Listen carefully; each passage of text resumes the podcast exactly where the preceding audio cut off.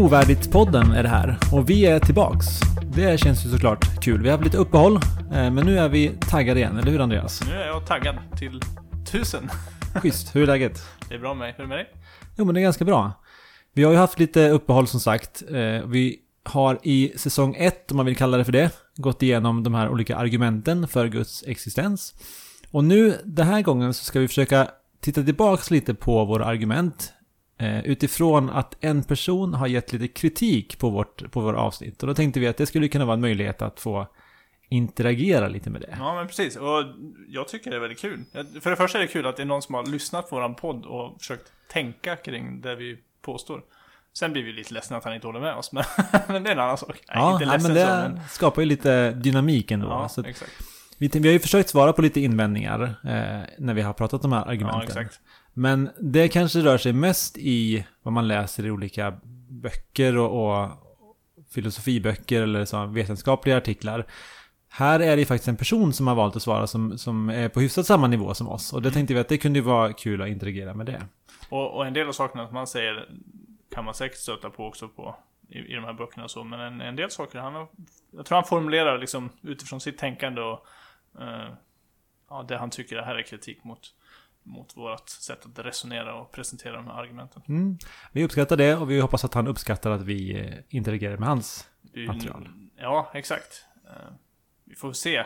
Kanske. Jag vet inte ens vad människan heter. Ska vi, det känns som anti-apologetik-bloggen liksom. Just det, Har på Facebook. Jag har, inte jag har inte hittat något namn där på vare sig på bloggen eller på Facebook-sidan. Nej, men, men namnet säger ju en del såklart. Ja, själva namnet på bloggen är ju, får man ju, och Facebook-sidan är ju tydlig. Ja, ja men så det ska bli kul. Vi ska också eh, ge lite respons. Vi har fått en lyssnarfråga, eller ett lyssnarresonemang.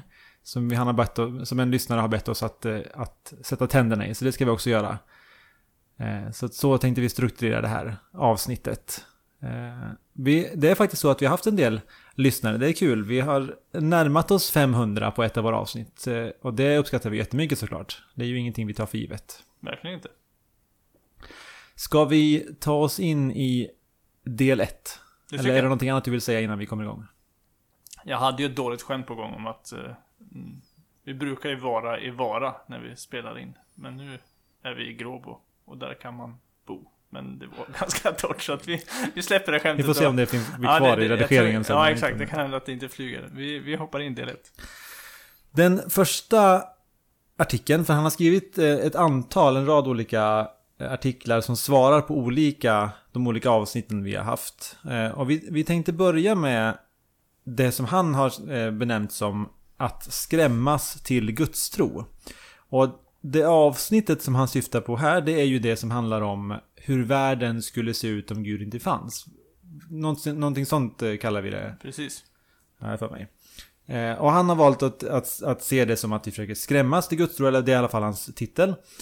Och då kan man ju börja med att fundera, vi, vi tänkte vi går igenom det här, hans text, eh, och pratar om den och ser vad vi kan ge för respons och, och vad vi håller med om och vad vi inte håller med om.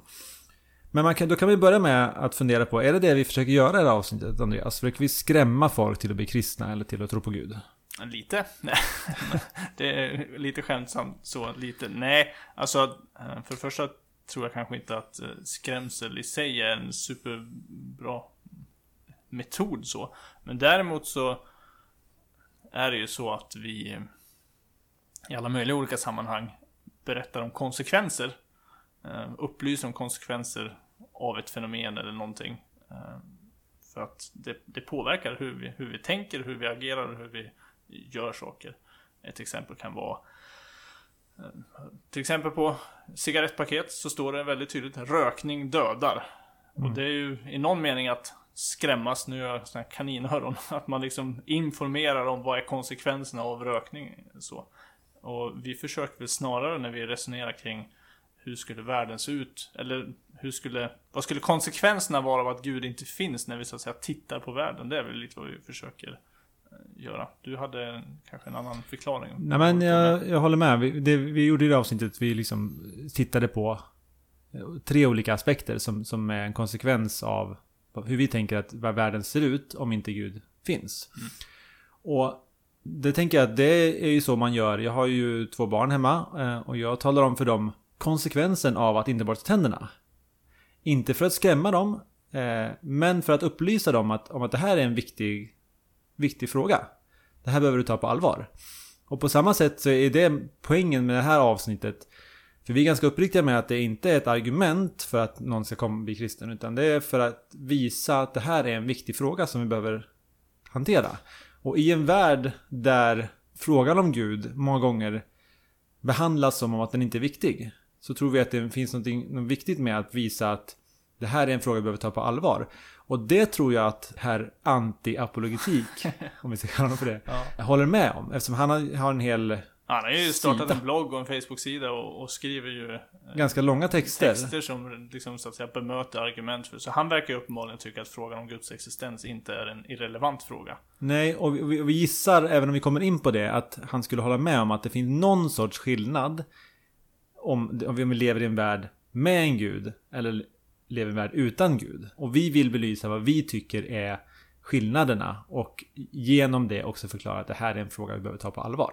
Inte så mycket skrämmas, men belysa frågan och visa på att vi tycker att den är viktig. Nästa han går vidare på då, när vi har, när han Förutom att prata om att vi försöker skrämmas, som vi har behandlat nu, så, så menar han att vi har lite svårt att byta perspektiv. Ska vi, ska vi läsa vad han säger? Mm. Han skriver så här. Vi blir, han, skriver då om våran, våran, våran poddavsnitt. Vi blir först inbjudna att ta del av en berättelse om hur kristna apologeter tänker sig att världen ser ut om Gud inte finns. Men i farten så gör man samma misstag som i princip alla andra apologeter tidigare som besökte den här bloggen Nämligen att man inte kan lämna sin egen världsbild för en stund för att undersöka sin motparts perspektiv. Är det så? Är vi fast i vår egen världsbild Mattias? Vi, vi förmår inte sätta oss in i hur den här naturalisten, som jag tror att han är, tänker. Ja, och det, på ett sätt kan man väl säga att det, det, vi alla måste ju vara upp, uppriktiga med och försiktiga med att vi har glasögon som vi tolkar världen på. Och att det, det kan vara svårt ibland att, att stiga ur sin egen världsbild. Så det, det ska vi ju inte slå oss i bröstet och säga att vi är experter på. det, Så. Men, men det, jag tror att det finns en grundläggande felantagning här. Att, att vi, att, antagande, att vi vill Vårt mål är att sätta sig in i hur han tänker. Eller hur ateisten tänker. Vårt mål är ju här att dra våra slutsatser av vad vi tror blir konsekvensen om Gud inte finns. Precis, vad vi menar är, vad vi menar är de logiska följderna av en naturalistisk världsbild. Ja visst. Och det är ju helt eh, självklart att ateisten inte kommer hålla med om alla dem. Man kommer säga nej, jag tänker så här. Eller så här, de här slutsatserna drar jag. Och då blir det ju en fråga om argumenten. Lite, lite tillspetsat kan vi testar den här tanken och se om du håller med mig då. Tillspetsat skulle man kunna säga att vi försöker säga vad ateisten borde tycka och tänka. Ja. Men som kanske väldigt få ateister, eh, naturalister, faktiskt tycker och tänker. Ja men precis. Det, det finns ju, eller hur, finns det liknande exempel i texten som vi analyserar som han har skrivit där han gör samma sak? Ja, absolut. Han, han kan till exempel eh, resonera kring, säga att givet en kristen tro så får de här konsekvenserna. Då borde det bli på det här viset. Till, vid något tillfälle så skriver han att eh, om man är kristen, då är mord inte så farligt. För man, det enda man gör är att skynda på processen av att komma nära Gud. Precis. Men om man skulle fråga en, en, en kristen så skulle de inte hålla med om det. Man skulle inte tycka att det var okej med mord bara för att Nej. man... m- Men den slutsatsen vill ju han säga att så här blir det på Ja, kristen ex- tro. exakt. Givet en kristen världsbild så borde det inte vara så farligt med mord liksom. Nej. Och så, Och, och, och något liknande försöker vi göra när vi tittar på, på världsbilden, eh, på den artistiska världsbilden. Det här blir konsekvenserna. Men då menar ju han att det inte blir så stora konsekvenser egentligen. För att världen, han skriver ju att, att eh, världen ser ut som den gör. Och, och oavsett om, om kristen tro eh, är sann eller om ateism är sann så ser världen ut som den gör. Ja, han säger så här. Jag menar inte direkt att man föreslår detta i podden och refererar till saker man skrivit till explicit. Men det görs, och nu- och nu kommer till det viktiga. Det görs åtminstone inte, inte tillräckligt tydligt att oavsett vem som visar sig ha rätt i denna fråga, alltså frågan om Guds existens, så ser universum ut som det gör. Det är ju liksom, han, han, det är det claimet han gör här att eh, universum är ju vad det är, alldeles oavsett om om eh, ateisterna har rätt eller om eh, teisten har rätt så universum ser ut som det gör nu liksom. Ja, och, och det, jag tror att det är inte helt tydligt vad han menar med att universum ser ut som den gör. Men, men, jag kan tänka mig att det handlar om att han pratar mycket om det fysiska uttrycket för världen. Alltså att, som det ser ut. Världen kommer se ut som den gör. Stenar kommer vara gråa. Gråbo kommer vara regnigt. Eh, alltså, Solen är i mitten av, av vårt solsystem Ja. och så vidare. många av dem, för, precis. De förklaringarna. Och, och det håller vi med om. För vi har ju båda två världsbilder som, be, som bekräftar den fysiska världen. Absolut. Så frågan blir ju, finns det också något övernaturligt eller inte? Och det menar ju vi har stora konsekvenser för hur vi ska förstå världen. Så även om den ser ut som den gör, så måste vi förstå den annorlunda. Precis, vi kommer tolka världen med, vi var inne på det förut, de här glasögonen. Just det. Om, om det finns en gud som ligger bakom världen så gör det en väldigt stor skillnad på hur vi tittar på världen, hur vi uppfattar och förstår. Så menar vi. Ja, Ett exempel. Eh, de, många har nog sett filmen Avatar. I den filmen så är det en, en huvudperson, Jack Sully, som på något sätt kopplar an till en, en annan kropp. En, en, en kropp som är en ras som kallas för Navi. Som finns på den här planeten där det är de de här jättesmurfarna, de här blåa. Jättestora blåa häftiga figurerna. Så. Eh, som bor på den här planeten som heter Pandora. När han gör det så kan han ju liksom så blir han, hans medvetande förs ju över till den här kroppen. Så att han får dens egenskaper, han kan gå runt, han kan eh, interagera med dem. Och de som bor där ser ju honom som en av, ja, som tillhör dem. Liksom, Ja, precis. Det vore ju som att vi var på kontoret och så kom det in en annan människa. Ja, exakt. Men när de sen får reda på att det här inte är eh, en, en av oss, utan det här är en människa som har infiltrerat oss, så blir det en enorm skillnad. Ja, de blir lite upprörda om, Ja, jag, det blir ju om jag minns rätt. liksom, Exakt. Ja, det, verkligen. Spoiler. Sen får vi se vad som händer sen. Men ja, nej, men eh, så att det blir en enorm skillnad för dem. Så det fysiska uttrycket är ju detsamma.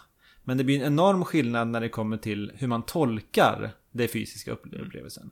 Och på samma sätt, om det finns en person, en gud bakom världen, så menar vi att det blir väldigt stora konsekvenser för hur vi förstår den fysiska världen, även om den ser likadan ut. Jag tänker att det, det här gäller inte bara kristen tro och naturalism så. Det finns ju olika sätt att beskriva världen. Vi kan vända oss till andra världsåskådningar.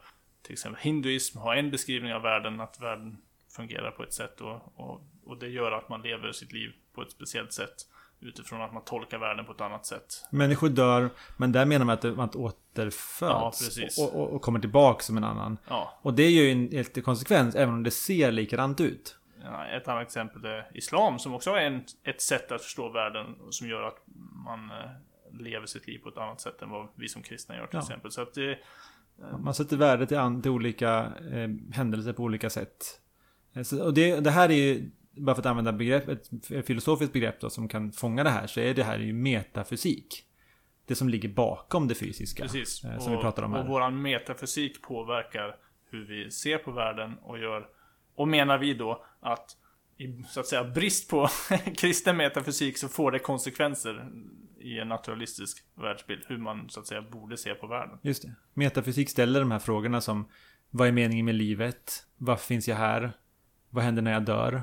Finns det värde för människan? Och de frågorna blir, menar vi, annorlunda beroende på om Gud finns eller inte. Svaren på de frågorna. Na, I en naturalistisk världsbild så ges ju vissa svar och i en Eh, vad ska man säga, supernaturalistisk världsbild, eller en, ännu bättre då från vårt perspektiv, en kristen världsbild så ges det andra svar. Om- Om vi tar exempel bara, var kommer människan från? I en kristen världsbild så kommer människan utifrån att Gud har skapat henne till sin avbild. I en naturalistisk världsbild så är ju människan, ja, vi är ju så att säga frukten av, eller konsekvensen kanske man kan säga, av en lång evolutionär process som vi är en del av liksom. Och där får konsekvenser för hur på vi ser på människan, menar vi. Ja, men precis. Sen så kan man ju lägga till att, att det, vi tror att det finns också konsekvenser för hur den fysiska världen skulle ha sett ut om inte Gud finns. Så vi ger ett sånt exempel eh, när vi pratar om det, det kosmologiska, eller det Finjusteringsargumentet. finjusteringsargumentet. Där vi säger att det är osannolikt att det skulle finnas eh, intelligent liv. Det här, det här kallar ju han eh, någonstans för eh, inception av spekulation. Att, Mm, är- att, att vi, eh, vi kan inte veta hur världen hade sett ut om Gud inte hade funnits. Men där är ju det ett exempel, finjusteringsargumentet. Som visserligen antiapologeten inte köper det här, men det är ett exempel på ett, på ett argument som visar, där vi försöker utifrån en, så att säga, hur universum ser ut, peka på att nej, men hela universum pekar på att att det borde finnas en designer. För om det inte hade funnits en designer så hade universum sett annorlunda ut. Det hade ja. inte varit ett livsuppehållande universum. Just det. Och det, det argumentet får vi komma tillbaka när vi går in i det, den, eh, det avsnittet. När vi pratar om när han bemöter det argumentet. Men han ställer sig frågan hur kan man veta hur världen skulle ha sett ut om inte Gud finns? Och, och svaret på den frågan är att vi använder logik och resonemang för att ta oss fram till den slutsatsen. Sen eh, får vi se om man, om man håller med om det. Men det är ju så, det är den metoden vi använder i alla fall. Ja, jag tycker att när man kallar det spekulation det är klart att det i någon mening är spekulation, men det är ju mycket av, av filosofi och att argumentera som är spekulation i meningen att vi kan ju inte säga hundraprocentigt matematiskt veta allting, men vi kan presentera skäl för varför vi tror att det skulle vara på ett eller annat Ja, och att det är mer liksom. rim, vi menar att det är mer rimligt än inte. Ja. Att det är så här. Ja. Och vill man kalla det spekulation så får man väl göra det, men jag... jag ja, då finns det fler det. saker som kan hamna i den, eh, ja. den eh, benämningen. Men om man då pratar om de här, eh, som vi säger att det finns Eh, konsekvenser eller, eller svaren på de här metafysiska frågorna blir annorlunda. Då kan vi gå in på och prata om de olika konsekvenserna som vi, som vi drar av att ateism skulle vara sant. När vi kollar på vilka svar ger ateismen på de här metafysiska frågorna. Och det första han väljer att ta upp då, det är när det kommer till det mänskliga värdet. Eller eh, nihilism och mänskligt värde som han har eh, som han har pratat om. Då. Vad, vad är det han säger här Andreas? Han skriver så här, från apologeters håll så vill man gärna hävda att en ateist inte kan göra moraliska bedömningar. Att en ateist inte kan säga om något är rätt eller fel, gott eller ont. Möjligen kan inte fortsätta ändå. Möjligen kan inte en naturalist göra det i en kristen världsbild. Men i en världsbild där moral är subjektivt så går det alldeles utmärkt. Just det, så han, han menar att, och här har vi ju eh, gett, som han säger då, Dawkins en känga. För att eh, Richard Dawkins, den kända artisten, som, som hävdar väldigt tydligt att det inte finns något rätt och fel. Han lånar ju då från den kristna världsbilden och, och säger att, fördömer sånt som att eh, det, det, är fel att indoktrinera barn med, med, med kristen tro, liknande så. Eh, och att då säger vi att han inte skulle ha någon rätt att göra det. Och han, då menar ju den här antiapologeten anti-apologeten att eh, det kan han visst göra för att för, för honom är det subjektivt. Och, och det innebär ju då att visst kan han göra det. Men det han gör då det är ju att, i, i princip att uttrycka att jag tycker inte om det här. Så att, att göra ett objektivt påstående om att det här är rätt eller fel. Det är det som vi säger att han inte kan göra. Och det är, det är väl på något sätt eh, När man läser Dawkins text så, så, förstår man att han menar inte bara att tycka att det här gillar jag inte. Utan han vill förbjuda det. Han vill Ja, han menar ju att han säger ju att det till och med är liksom barnmisshandel att, att pådyvla någon en, en kristen tro liksom. Och, och det finns ju minst sagt en ton av, av att det är fel. Och inte att han bara säger jag råkar tycka. Han säger, han, nej men Dawkins säger inte så här. Jag tycker det är fel. Det är min personliga övertygelse. Man gör min personliga som, åsikt. Precis. Han säger att ingen borde göra så här. Ingen borde hålla på att uppfostra sina barn nej. religiöst. Och det ordet där, borde, är väl en, en nyckel. Eh, för i borde ligger ju att, att andra också borde göra som han ja. tycker. Det finns ju ett värdeuttalande där. Att det, det, han, han utgår ifrån att det finns en slags eh, standard för vad, vad som är bra och dåligt. Vad ja. som är gott eller, eller ont. Och det här fallet. återkommer väl i texten på ett sätt kan man säga. Men, men vi, vi menar ju inte att man inte kan ha subjektiva värderingar. För det är ju uppenbart att man kan ha det. Ja. Eh, vi, vi tänker att man kan tycka Både att, eh, att vanilj är godare än choklad, det är en subjektiv åsikt. Men också att man kan tycka att jag, jag tycker inte om när någon mördar någon. Men det som vi har svårt att se är att man kan göra den objektiva bedömningen av att alla borde göra som jag tycker. Att, att det här är någonting som, som borde gälla alla. Och det vi far efter lite, eller vill komma åt, är att vi, vi menar att det, det blir en inkonsekvens i naturalistens resonemang eller ateistens resonemang när han, när han eller hon då gör den här typen av eh, moraliska uttalanden att saker är rätt, rätt och fel. Och sen å andra sidan också säga att nej men moral är bara subjektiv. De två krockar lite med varandra. Frågan är den här, varför skulle min subjektiva upplevelse av vad som är rätt eller fel, för, för hans antiapologeten här säger ju så här att nej men det finns moral, den är, det, det är bara att den är subjektiv. Så i någon mening så är ju, köper han ju vårt påstående. Vi, Ja, vi, vi har ju hävdat att i en ateistisk, en naturalistisk världsbild så blir det bara subjektivt. Men vi menar ju, det, och då kommer vi in på det moraliska argumentet. Vi menar att det finns en allmän mänsklig erfarenhet av att moral är inte bara subjektiv. Just det. Den, den, det är inte bara ett sub... Så här, jag råkar inte tycka om att Hitler... Nu, förlorar vi, vi spelar Hitlerkortet. Men att Hitler dödar 6 miljoner judar, det är inte bara något som jag så råkar, råkar tycka är negativt. Utan det är verkligen objektivt sett fel. Just det. Får man inte spela, eh, är det en grej? Nej, det finns ju någon sån här, jag kommer inte ihåg vad det kallas nu. Den, den första som tar fram Hitler i en, i en internetdiskussion, han, han har förlorat liksom. Ja, Okej, ja. Där ser man. Vi har ju ingen internetdiskussion. Nej, exakt, vi är en poddiskussion. Kanske håller oss. Eh, nej men eh, han skriver ju på ett ställe här att, att när det kommer till mänskligt värde.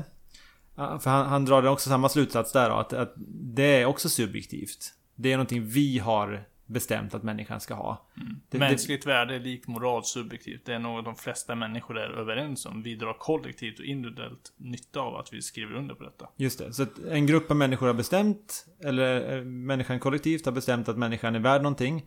Och det är det enda värdet människan har.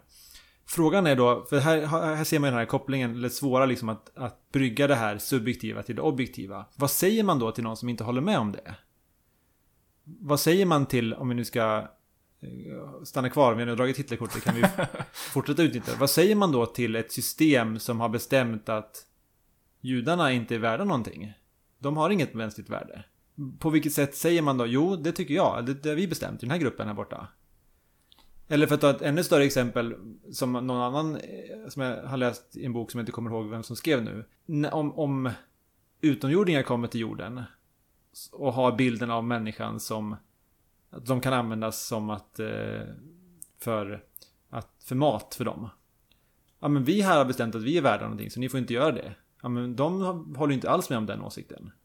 Vad, vad kan vi i vår subjektiva bestämmelse säga eh, objektivt om det? Ingenting. Så där, där finns ju den här eh, svårigheten med att dra från det subjektiva som du sa till det objektiva. Och, och, och allt det här påverkar inte huruvida det är sant eller falskt med, med en kristen världsbild. Det vi far efter är att försöka visa att det här är en konsekvens av en naturalistisk världsbild. Att, eh, att, att moral och värderingar bara blir subjektiva grejer. Ja, för det, precis. Konsekven, konsekvenserna av de olika världsbilderna. I, så blir det som vi som vi beskrev nu, ja, menar vi ur en ateistisk världsbild, att det är väldigt svårt att göra de här objektiva påståendena. Har vi istället en gud som har skapat ett universum, som har gett människan ett instinktiv, i, Ett inneboende värde. inneboende värde. Då, då kan vi ju faktiskt eh, hävda till de här utomjordingarna Gud som har skapat oss alla har gett oss ett värde, ni får inte göra det här. Sen kanske de inte, sen kanske inte, kanske inte bryr sig om Gud. De kanske kör ändå. Ja. Men det finns i alla fall en, en slags grund att ställa sig på. ja, man- det finns en objektivitet där som Gud som har skapat alla oss har gett oss det här värdet. Och, och då får man ju ha i åtanke att när, när vi pratar om Gud nu så är det, han är själva definitionen av godhet och är liksom grunden för, för, för rätt och fel. Så det är inte bara han, inte heller. För en del skulle hävda då att ja, men det är fortfarande subjektivt. Är, och nu är vi inne på det moraliska argumentet igen så vi kanske inte ska gräva ner oss igen. där. Men, men det är inte bara att Gud råkar tycka heller utan Gud är så att säga definitionen av, av det goda. Hans natur bestämmer vad som är rätt och fel. Ja, det var vi inne på när vi pratade om det, det, det argumentet. Man, man glider gärna över i det argumentet i det här eh, Ja, resonemanget. precis. För att ja, det moraliska gudsargumentet säger ju att vi människor har den här upplevelsen av att det finns rätt och fel. exakt. Och, och då vill, kan man ju se vad, kommer den ifrån? När vi, om, vi, om vi tänker att det finns rätt och fel, då borde Gud finnas. Om det finns den här objektiviteten. Här vill vi bara belysa vad vi tror blir konsekvensen av att ateismen inte är sant. Nämligen att det inte finns den här. För människan och inte för, för handlingar heller. Ska vi ta den här skrämmande tanken bara innan vi går vidare?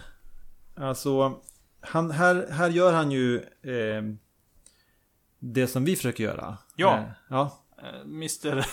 Jag menar inget nedlåtande. Vi har ju inget namn så det blir ju så här herr apologet eller Herr Mr anti-apologet. anti-apologeten här. Men Vi kan väl vara här apologeterna. ja, exakt. Så får han vara herr anti-apologetik. Eh, han skriver så här i sin artikel då att även i denna podd, refererar till våran podd då, hör vi uttryck för en ganska skrämmande tanke. Nämligen att om det inte finns någon gud som straffar omoraliskt levande så finns det ingen poäng med att göra rätt och bete sig väl mot andra människor. Jag hoppas och tror att detta endast är ett retoriskt grepp. För skulle det vara sant så ser kristna människor sig själv som utan moral, utan en känsla för rätt och fel, där det enda som hindrar dem från att göra hemskheter är ett hot om bestraffning av Gud. Ja, och det vore ju en mörk bild. Ja, det vore ju väldigt uh, tråkigt om det, om det vore så att det, det enda som hindrar mig och är från att dra runt i, i vår tillvaro och, och bete oss som grisar och göra hemskheter är, är för att vi är rädda att ja, då får jag veta att jag lever senare liksom. Och man, man skulle kunna peka på vårt lagsystem som, har, som har, försöker ha den effekten. Eh, som säger att eh, vi har våra lagar, vi har fängelsestraff för att mm. avskräcka människor vi, för, från att göra brott. Vi har ju inte i vårt lagsystem, vi kanske har ett sidospår, men vi har ju inte ett... Det finns också en rehabiliteringsdel i det mm. förstås, mm. men det finns också den avskräckande delen. Så det behöver ju inte vara bara fel. Nej. Men, men, men, som du säger, det kanske inte är så kristna tänker att motivationen är.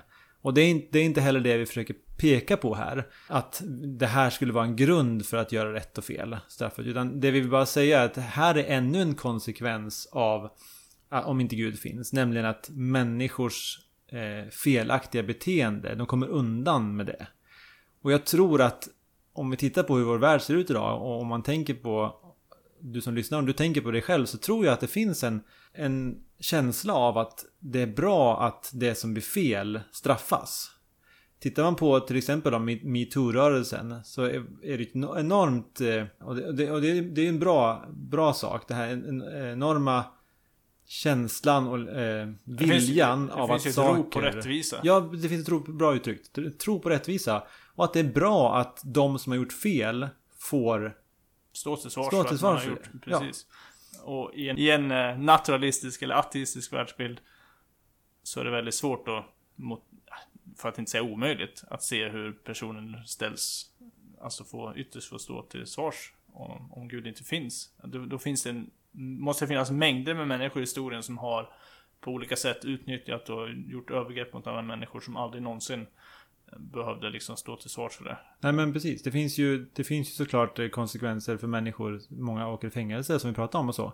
Men det finns ju också många som har kommit undan. Framförallt stora ledare som har kunnat eh, levt gott. Mm. Trots att de har eh, gjort dumma saker. Och det, man kan ju se att det är inte nödvändigtvis så att det finns någon sorts karma som alltid leder till att, att eh, what goes around comes around. Utan det finns ju många exempel på människor som har kunnat levt goda liv.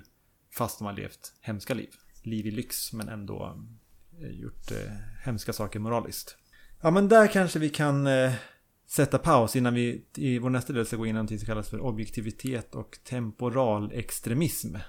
Det bara det kan ju vara en sorts eh, eh, hype. men vi tar en liten paus. Eh, och vi ska i nästa del svara på en fråga som har kommit in.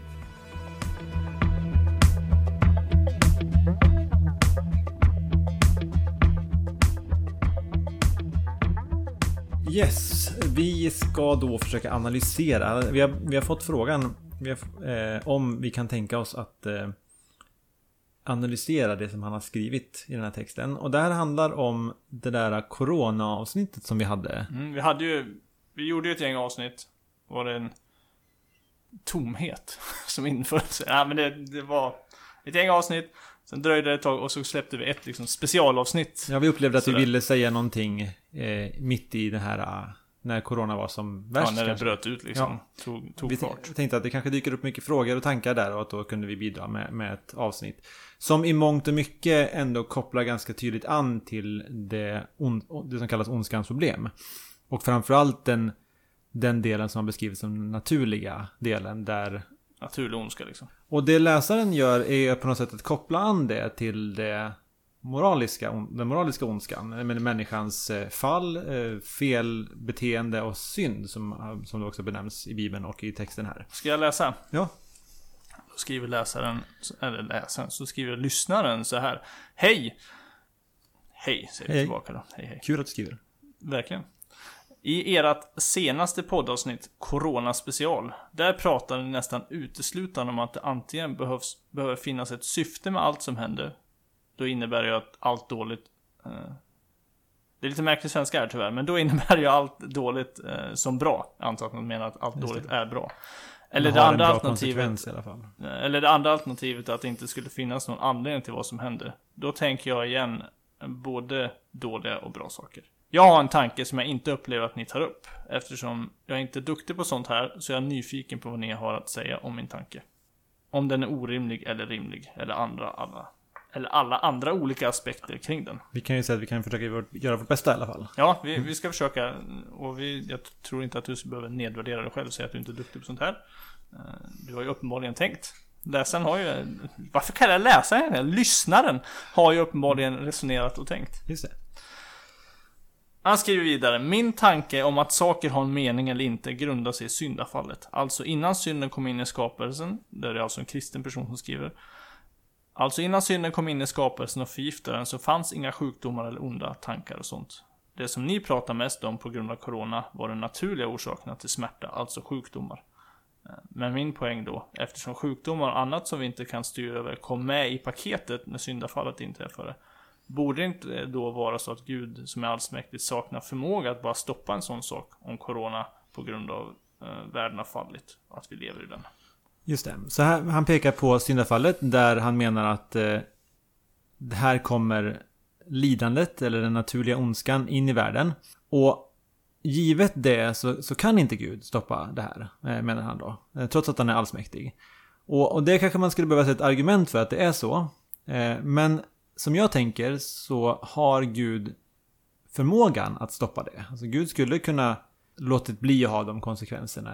Så. Men han har valt att inte göra det. Han har valt att skapa en värld där människan faller och där det får de här konsekvenserna. Så det är två beslut där. Dels att skapa världen med, med där människan faller, men också att det ska få de här konsekvenserna. Ja, tillåta att synden överhuvudtaget komma in i världen är ju också ett val så att säga. Ja, precis. Man skulle kunna säga att synden har den konsekvensen. Syndens lön är döden, eller hur man uttrycker det i Bibeln. Så att, Eh, som det uttrycks i Bibeln. Men, men eh, det är ju ändå ett beslut hos Gud att eh, tillåta den här ondskan. Så att man, mm, man skulle kunna säga att Gud har förmågan, men, men han låter bli att använda den. Ja, och vi tror ju att i, i en kristen världsbild så finns tron att, att Kristus en dag ska komma åter och upprätta fullheten av Guds rike och göra slut på allt lidande. Så- i en mening kan man också fråga, ja men varför har inte Gud redan gjort det? Varför låter han det fortsätta så länge som det har gjort? Själva frågan om lidande i världen, vi kommer inte riktigt undan den. den även om vi Även om vi skulle bara köpa det som den lyssnaren säger Mm. rakt av här. Att synd och med synden in i världen kom lidande och död och sjukdomar. Så infinner sig fortfarande frågan, okej, men varför har Gud låtit det hålla på så länge då? Han, han kunde ha gripit in för länge sedan liksom. Just det. Och vad svarar vi på det då? Ja, vi, när vi resonerade kring den här frågan i coronaavsnittet så då lyft, försökte vi måla bilden av att vi tror att Gud är allvis, allgod och allsmäktig. Eh, och utifrån de eh, liksom, egenskaperna hos Gud så när Gud väljer att skapa en värld så väver han ihop historien så att säga. Där Gud tillåter ett mått av lidande, ett mått av eh, ja, elände för att säga det rakt ut så. Och in, så att säga infogar det i hans stora plan med, med hela världen när han för den mot, eh, mot sitt mål. Just det, och det här kan ju uttryckas som att Gud har valt att skapa en värld med människor med fri vilja. Eh, och därför så kommer det också att innebära att de har möjlighet att välja fel. Så att den värld Gud väljer att skapa eh, har den positiva egenskapen av att det finns människor med fri vilja som har förmågan att göra val, ta beslut, men också att välja att komma in i en kärleksfull relation med Gud. Gud vill inte ha robotar som man ibland uttrycker, utan han ville ha människor som kunde välja honom. Då får han också stå ut med konsekvensen av att, att världen ser ut som den gör. Men, men i det som du beskriver så har ju Gud också förmågan att planera världen. Eh, så att, tänker vi, att hans syften ändå kommer fram. Även om man egentligen skulle vilja att världen var helt utan synd. Så, skulle, så givet den fria viljan så, så blir inte världen så. Men Gud har ändå möjlighet att välja en värld där hans syften kommer fram. Men eh, läsaren har lite svårt med den tanken av att, att allting har en... anledning. Allting har, precis, allting har en mening. Kan... Man, man, kan ju förstå den tanken. Man, man, skulle kunna tänka att Gud... Att man, om man säger att allting har en mening, att Gud då... Man kan se Gud som någon... Haha, nu låter jag den här personen få... Eller haha, jag vill ta i liksom. Men, men nu låter jag den här personen få... Eh, Cancer. Den här sjukdomen. För jag vet att det kommer få en, en annan konsekvens. Ja, det blir en väldigt beräknande, kall eh, Guds... Ja, det blir en ganska osympatisk bild av Gud. Mm. Hur skulle... Kan man formulera det på något... Kan man formulera det på ett annat sätt? Nej men vi tror att Gud är god med, och att Gud i sin... Alltså han är inte en, vad kallar det, sån här ändamålsetiker där ändamålen alltid helgas. Liksom, om, om man har ett gott mål i sikte så kan man göra vad som helst bara vi kommer fram till det målet. Det är inte på det viset men uh, att Gud liksom tillåter vad som helst. Men uh, i, sin, i sin vishet så väver han ändå ihop historien mot ett mål där han så att säga inkluderar även saker som han så tillåter. Jag, jag, jag, tycker det är ganska, för mig är det en hjälp att skilja mellan så att säga Guds eh, tillåtande vilja och Guds eh, liksom, vad ska man säga, perfekta vilja. Mm. Gud har valt att skapa den här världen och tillåter vissa saker och han har ett syfte till att tillåta de sakerna. Även om målet sen är en, en värld där det inte finns något eh, lidande överhuvudtaget. Jag vet mm. inte om det... Ja men jag, jag förstår. Jag skulle säga att det högsta syftet som Gud har med, med, med det han gör. Eh, det är att så många människor som möjligt ska komma in i en kärleksfull relation med honom. Och så få människor som möjligt ska gå förlorade. För i den kristna världsbilden så, så är ju... Har ju människan, eller så som jag tänker möjlighet att välja Gud och inte. Och det Gud gör, eh, även de saker som vi har svårt att förstå gör han med syftet av att föra människor in i en relation med honom. Och det tycker jag man kan utläsa i Bibeln ganska tydligt att Gud längtar efter alla människor, han vill inte att någon ska förlorad. Och i Apostlagärningarna så kan man till och med läsa om att Gud har skapat världen och placerat människor på olika platser med syftet av att de ska kunna komma fram till honom och hitta honom. Vi, vi pratade lite innan podden här om att eh, en del, i vissa kristna traditioner skulle man ju säga så här att ja, men Guds mål är att förhärliga sitt namn och så. Och det håller, håller jag med om. Men hur gör Gud det? Jo, Gud Gud för människor till sig som får eh, leva i en kärleksfull relation med honom där de så att säga återspeglar honom och lovar honom och prisar honom för den han är. Det är liksom. så Gud får äran. Ja, ja precis. Ja. Brevskrivaren skriver ju så här. Eh, jag försöker få fram en tanke att Gud inte planerar allt som händer. Både sånt som människor gör och sånt som människor inte kan påverka. Men att han kan använda alla situationer till något positivt. Eh, och, och, vi, om man skulle, vi får ju säga det, att vi värjer oss kanske lite för det sättet att tänka att, att Gud så att säga bara passivt Oj, nu händer det här. Ja, men jag kan använda det. Vi, vi tar ju, menar jag att om vi, om man får ta ett steg tillbaka och tänka att Gud känner till vad det är för värld han väljer att skapa. Så vet ju han i förväg om, om mm. alla saker, även de negativa sakerna. Alltså, för, för kombinationen av att Gud skapar världen och Guds allsmäktighet leder ju till att han vet, som du säger, vilken värld han kommer skapa. Ja, att Gud är allvetande menar du? Ja, allvetande, precis. Mm. Så därför så är han ju inte förvånad över vilken värld och vilka Nej. konsekvenser som finns i den värld han skapar. Nej. Och där känns det för mig mer betryggande med en Gud som har koll på vad som kommer hända och håller den världen och det, sina syften i sin hand och vet vad du är på väg. Än en Gud som blir överraskad över det som händer i världen. Det är ju en, en, diskussion som har förts bland teologer, men så tänker vi i alla fall. Förlåt, jag har brutit resonemanget. Nej, nej men det, det gör verkligen ingenting. Och, och, hela det här menar ju vi nu är vi inne i en kristen bubbla här, så den som inte är kristen nu kan tycka vad är det här för skräpargument? Men vi, varför ska vi tro de här sakerna om Gud? Ja, eh, i, i en kristen världsbild så utgår vi från att Gud har visat vem man är, bland annat genom, genom Bibeln. Så, så den här resonemangen kring att Gud i förväg känner till eh, vilken värld som blir till när han skapar och sånt. Eh, det grundar vi på en hel rad bibeltexter om och så. Mm. Vi, har, vi har även eh, kan man säga, en del saker argumenterat för det. Det ontologiska gudsargumentet mm. som visar på en gud som, är, som måste ha alla perfekta egenskaper. Ja, exakt. Så det, fin det finns, men, men vi håller oss som du säger i bubblan. När den här personen skriver så här att han, han menar inte att, eh, att Gud har så att säga planerat allt.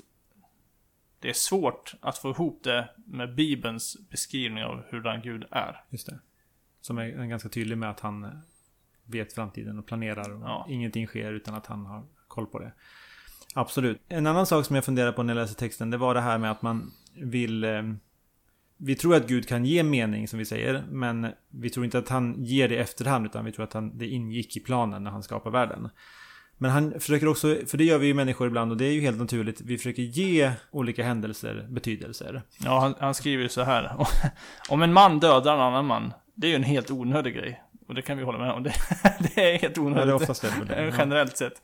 Sen blir den mannen frälst, alltså kommer till tro, och blir en kristen. Och helt plötsligt, och har helt plötsligt en erfarenhet som kan användas. Till exempel för att hjälpa vinna en grupp människor till tro. Eller välja att inte använda den och då helt enkelt inte ge den händelsen någon mening. Här, här försöker ju, och som vi sa, det är ganska vanligt, vi människor, eller han i det här fallet då, ge den här händelsen betydelse beroende på hur konsekvensen blir. Men här betonade vi i vårt eh, avsnitt att vi människor saknar den förmågan. Och, och vi gjorde det kanske mest i ljuset av att vi människor har inte förmågan att säga att Gud inte kan ha anledningar att tillåta ondskan. För det ligger utanför vår förmåga Mm. att bedöma det.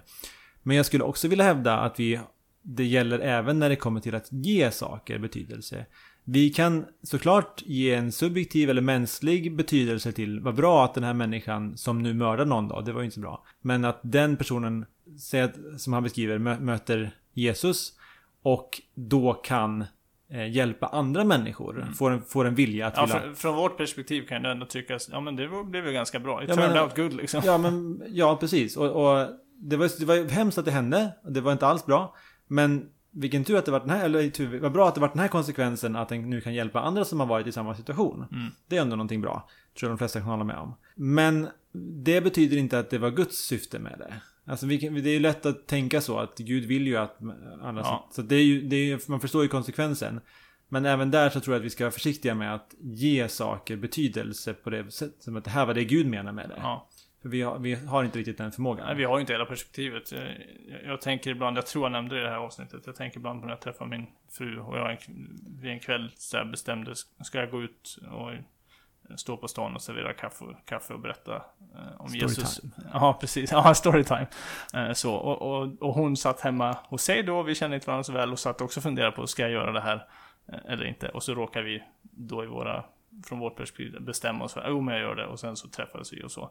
Och hela historien är ju fylld av ja, otaliga sådana här, ja, man, det, det liksom blir mindblown när man försöker föreställa sig alla små, små, små, små beslut som påverkar människors liv i alla möjliga riktningar. Eh, och, och det här väver Gud samman när han liksom leder historien mot sitt slut. Och för mig blir det väldigt tydligt då att vi har verkligen inte förmågan att, att avgöra att ja, men det här skedde för att det där skulle hända. Ja, det kanske tyckte så för oss, men Gud kanske tänkte något, hade ett helt annat syfte med att han till, till... Ja, i det här fallet, det kanske fanns ett helt annat syfte med att han faktiskt tillät den här, eh, det här lidandet, att en man blev mördad. Det Ja. kanske hände någonting på en helt annan sida av jorden liksom. Eller, Som inte vi har koll på. ja. Och med det är inte sagt då att vi inte kan säga jag är tacksam till Gud att det här hände. Ja. Eller att vi ska säga att eh, vi, kan, vi kan tänka att eh, det här varit en bra konsekvens. Eh, för Gud är med allt som händer Ja. och, och han vill allt gott. Men, men jag tror vi ska vara försiktiga med att dra för starka slutsatser bara som vi säger. Mm. Vi får vara försiktiga med att, att säga vad som är Guds försyn och inte Guds försyn samtidigt som vi kan i någon mening se och vara tacksamma för saker som händer i våra liv och tacka Gud för dem. Ja.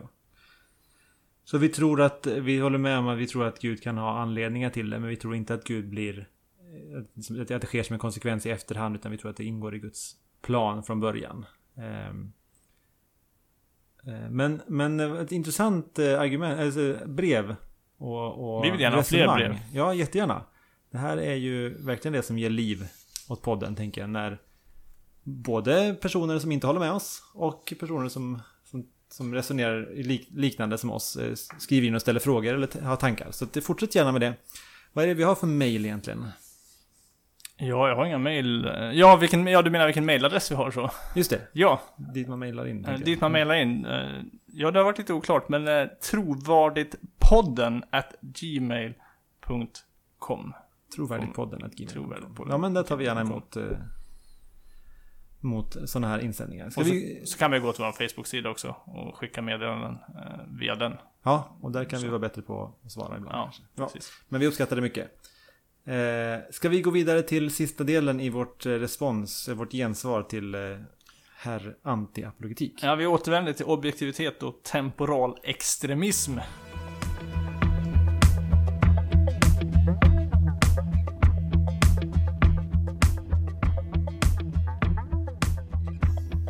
Så här skriver Antiapologetik i sin artikel, eller i sitt blogginlägg.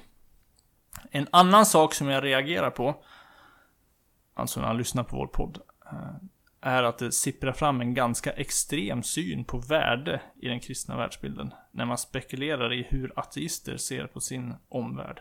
Man ger uttryck för en känsla av meningslöshet om Gud inte finns. Att ingenting spelar någon roll eftersom allt är övergående.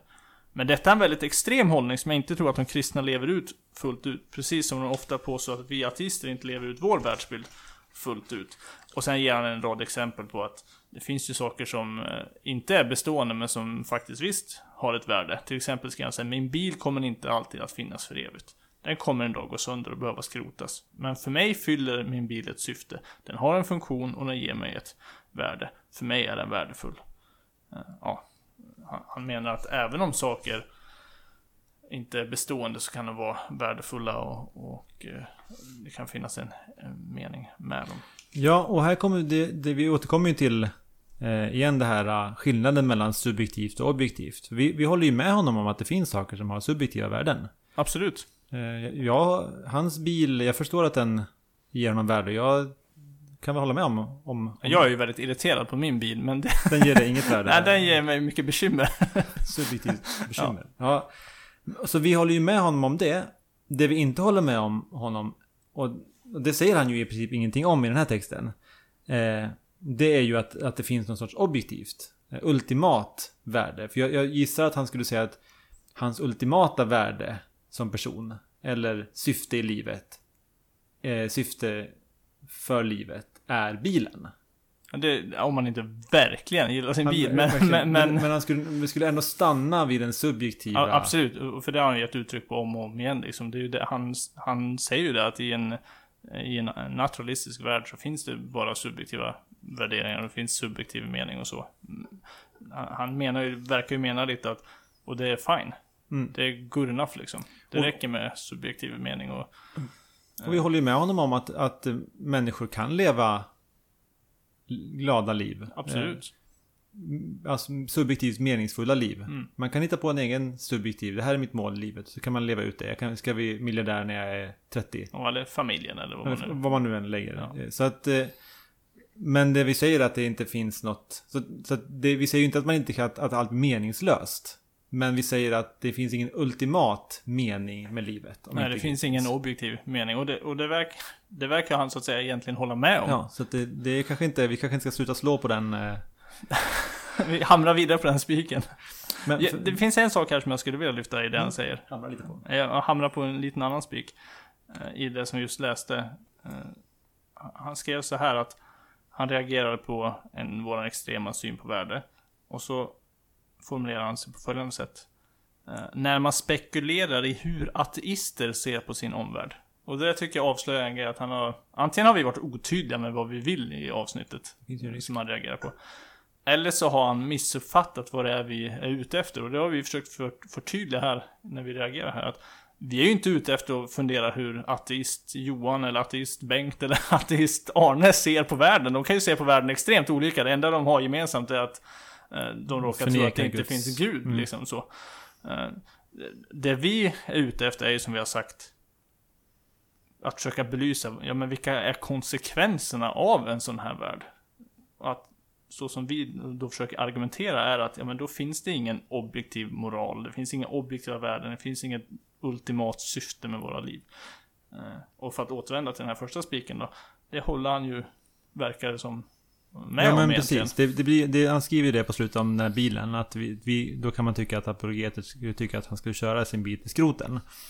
Och det, det tycker vi ju inte. Möjligtvis tycker att köra din bil till skroten då. ja, men, nej, den tänker jag investera lite pengar i att reparera. Men, men inte hans, äh, nej. Så hans bil betyder mycket för honom. Och så, jag, så är det uppenbarligen inte för mig. För mig är den värdefull. Och det håller vi med om. Den får vara värdefull för honom. Ja. Eh, så vi, vi, vi går inte in på vad han tycker där. Utan det vi gör är ju mer objektiva försöker analyser av vad ateismen... Han, han återkommer till det här sätt, han, han, tycker att vi Han tycker vi är lite party poopers. Han skriver så här. Det här är en oerhört pessimistisk syn som definitivt inte delas av alla naturalister och ateister. Det är snarare en karikatyr av naturalism. Där, när vi säger att det inte finns något objektivt eh, värde och moral.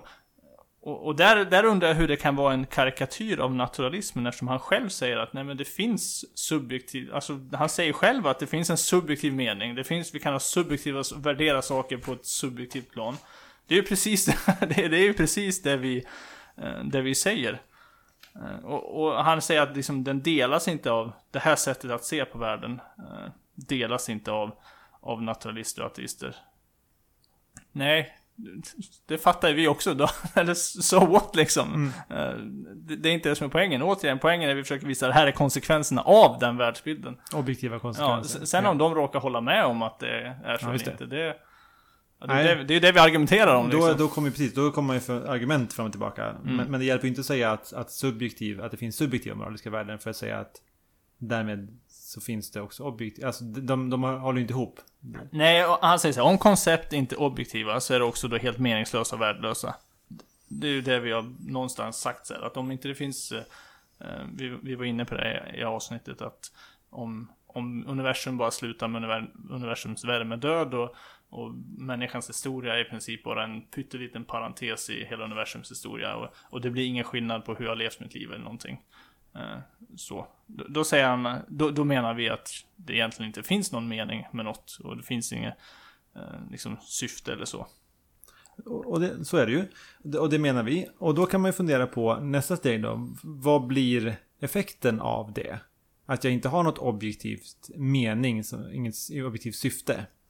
För då skriver han ju eh, sen om det och säger att för honom är det mer värt, livet blir mer värt och det vi gör när vi har en begränsad tid. Eh, om livet varade för evigt mm, hade man haft all tid i världen att ta tag i träning, att jobba, vad man vill. Att upptäcka allt som går att upptäcka. Det skulle väl sannolikt leda oss till oändlig proka- prokrastinering. Varför skulle jag göra någonting överhuvudtaget? Jag har ju bokstavligen hela evigheten på mig. Jag menar tvärtom att livets ändlighet är en del av vad som gör det värdefullt. Är det ändlighet, är det, eh, att det är ändligt ger ett stort värde för oss. Så här när vi diskuterar subjektivt och objektivt eh, och säger att du saknar den objektiva. Då menar han ju att det objektiva är nog och till och med ännu bättre. Nej, det subjektiva. Det subjektiva ja, menar jag precis. Och, mm. och han, han, menar ju att eftersom vi säger att det här med att livet är ändligt och universums historia är ändligt, att det på något vis gör att allt blir meningslöst.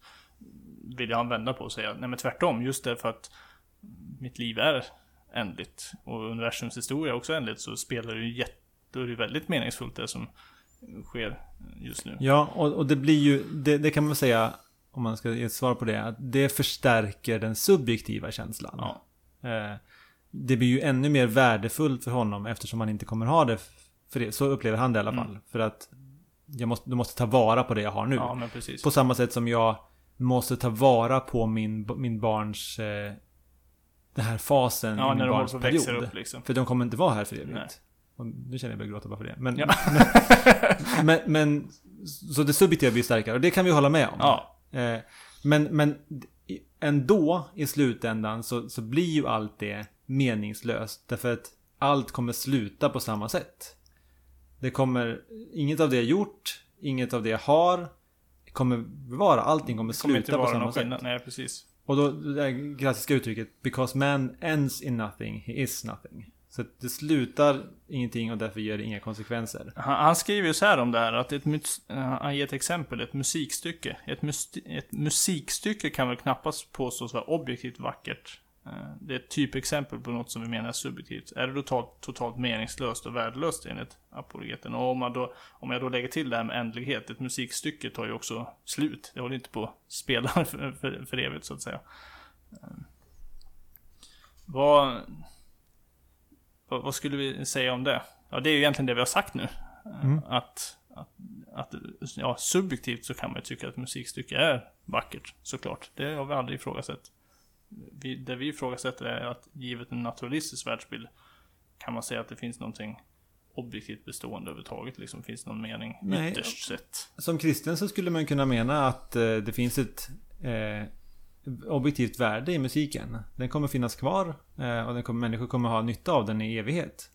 Eh, men om alla människor dör ut och universum blir tomt.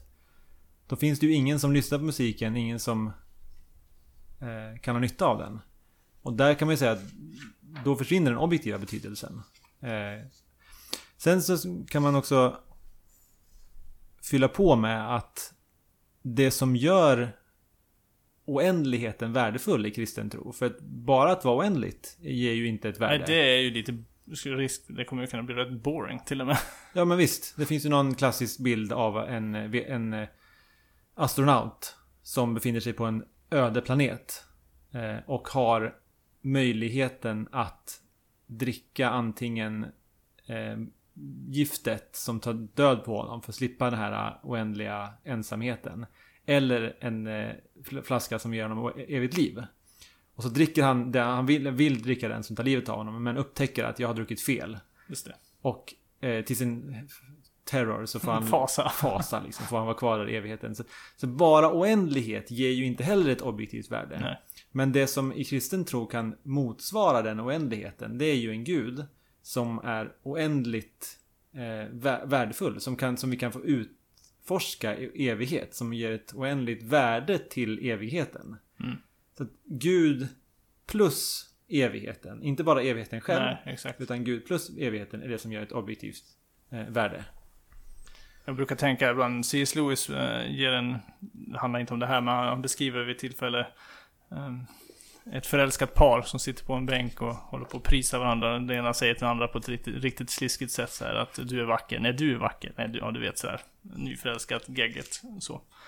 Um, det här använder han som en bild av lovprisning. Hur människan, när vi uppskattar någonting, brister ut i spontan lovprisning. Och de här förälskade paret, så att säga, spontant brister ut i lovprisning av den andra. Och, och när jag tänker på evigheten med Gud så är jag menar inte att vi kommer att sitta som ett sliskigt par på en parkbänk sådär, men att vi någonstans, vi kommer få se Gud som han är. Och vi kommer i evighet brista ut i spontan lovprisning över att han är fantastisk liksom. Och att vi hela tiden ser nya vi ser nya djup i Guds fantastiskhet, om man ska säga. Mm. Och, och, det här är klart, det här kan man ju då värja sig mot och tycka, det där låter ju inget vidare. Eh, så.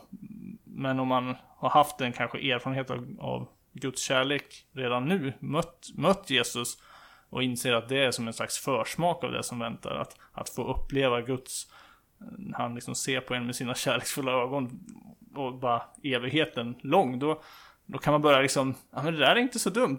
då helt plötsligt blir evighet ganska, mm, inte så tråkigt. Tvärtom, det blir någonting som man kan se framåt och, och längta efter. Ja, ja men precis. Men det är klart, då är vi ju verkligen inne i en kristen världsbild så.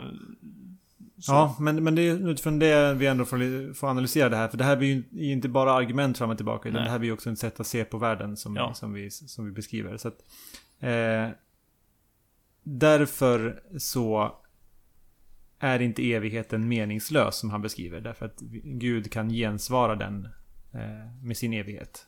Med sin eviga värde. Så menar vi. Eh, Ska vi jobba oss vidare? Vi, vi har väl inte så långt kvar. Jag tänker vi kan försöka avsluta. Ja. Eh, om du inte hade mer som du ville ta upp. Nej, jag vill, jag vill väl säga något om, om mord. Mord i en kristen världsbild. Vi har redan varit inne lite på det. Ja, precis. Vi, vi, vi, tog upp det i början där. Men han, han menar ju att, eh, att eh, mord skyndar på människor att komma nära Gud. Och, och då vill vi säga att anledningen... För vi sa ju att kristna inte håller med om det. Alltså mord är inte bra bara för att man skyndar på processen att komma nära Gud. Mm. Utan vi tror att människan har fått ett eh, objektivt ansvar som kommer ifrån Gud, som vi pratade om. Det är han som ger oss de här värdet. Och han har gett människan ett inneboende värde. Och därför är det fel att avsluta det i förtid. Det, inte, det ligger inte på oss att ha den rätten. Nej, även Så- om det är så att det i vissa fall då ger konsekvensen att personen kommer få, ja, få möta Gud i, i, i väntan på uppståndelsen och så liksom. Ja, även, även om vi tänker att det finns ett hopp i döden. Så ger inte det oss rätten att, att utdela den. Det inte, ligger inte på vårt ansvar. Så därför, så, därför bara för att förtydliga den biten så, så vill vi säga att därför tycker vi att det är fel. Eh, inte för att... Eh, ja, att det, att det, inte, att, det, att det inte finns ett slut efter det. Det är inte det som gör det fel. Utan att det ligger på vårt ansvar. Vi har inte den rätten helt enkelt. Eh, Men man kan också då fundera på varför det skulle vara fel ur en naturalistisk världsbild. Eh, att, att vi har varit inne på det också. Men varför blir det då fel enligt ateismen att, att döda någon? Vad, vad, vad ger mig rätten? Om, om andra inte håller med mig om att människan har ett, rätt, ett värde. Mm.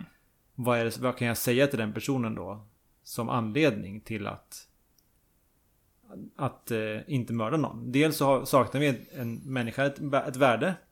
Eh, ett, det inneboende värdet. Eh, och om någon inte håller med om min subjektiva bedömning av att människan har ett värde utan ateistisk världsbild så är det svårt att argumentera för det. Men det är också svårt att se att det finns ett borde som jag varit inne på. Vad är det som gör att jag borde följa det som någon har sagt? Eh, så att vi har svårt att se att det finns de här objektiva moraliska värdena när det kommer till ateismen. Av de anledningarna. Ja. ja. Eh, han avslutar med att skriva Jag har dock svårt att se vad som är skrämmande med en värld utan Gud. Om Gud inte existerar så ser universum ut precis som det gör. Ska vi avsluta med den, med den tanken? För jag tror det kan liksom få sammanfatta det vi har sagt. Go ahead, kör. Vi har försökt lägga fram vad det är för, vi tror, konsekvenserna av en ateistisk världsbild. Även om det fysiska uttrycket på många sätt blir samma. Så är det de bakomliggande metafysiska sanningarna som blir den stora skillnaden. Och vi menar att det är avgörande konsekvenser för människans värde, syfte och mål. Mm. Eh, och det har vi försökt gå igenom här. Och poängen är inte att visa att det är skrämmande. Utan poängen är att visa konsekvenserna och att det här är en viktig fråga. Precis som man om man gör på ett gym. Eller borsta tänderna. På ett gym så visar man det här blir konsekvensen om du inte tränar. Förhoppningsvis gör man inte det för att skrämma folk in på gymmet. Utan för, för att upplysa folk om att det är bra att träna. Och när jag säger att mina barn ska borsta tänderna så, jag, så säger jag att om du inte det får du hålla i tänderna och gå till tandläkaren. Då säger jag inte det för att skrämma dem utan för jag vill kärleksfullt visa dem att det här är en viktig fråga, någonting du behöver hantera. Och det är det som varit syftet med det här Precis, avsnittet. Syftet är att egentligen Syftet är egentligen att få människor som tycker att frågan är irrelevant att börja fundera, är det verkligen en irrelevant fråga? Nej, den är inte irrelevant. För vad du svarar på den här frågan om Gud finns eller inte, det ger en rad konsekvenser för hur, hur den här världen egentligen är. Liksom. Ja. Så vi hoppas att vi har kunnat reda ut några missförstånd eh, och förklarat lite tydligare hur vi tänker. Och vi tackar Antiapologetik för att han har lagt ner tid och att svara på de här frågorna. Och vi hoppas att det här kan kanske vara en pågående diskussion där vi kan eh, förstå varandra bättre och, komma närmare sanningen. Eh, Jag vet en annan person vi vill tacka. Kid Amazed. Kid Amazed. Det är ju han som har gjort det här introt eh, som vi har. Och han finns på Spotify, Spotify. Absolut. Så att, eh, kolla gärna in honom. Han har eh, häftiga grejer på gång. Jaha, okej. Okay. Spännande. Så, så det. Eh, och tack, tack till dig som har lyssnat. Det känns kul att vara tillbaka. Det är roligt att vara tillbaka vi testar nu lite längre format på våra eh, inspelningar här. Ja, ni, kan, ni får jättegärna höra av er och ha åsikter om, om de, de grejerna också. Mm, eh, men vi tänker att, att det är ingen fara att ha ett lite längre avsnitt. För man kan dela upp det, man kan lyssna när det passar. Man kan trycka paus om man tröttnar och vill lyssna vidare sen. Vi hoppas att ni inte tröttnar, vi tror att ni inte gör det. Vi tror att det blir bra. Men, men tack igen och eh, vi hörs nästa gång nästa avsnitt. Hej då. Hej då.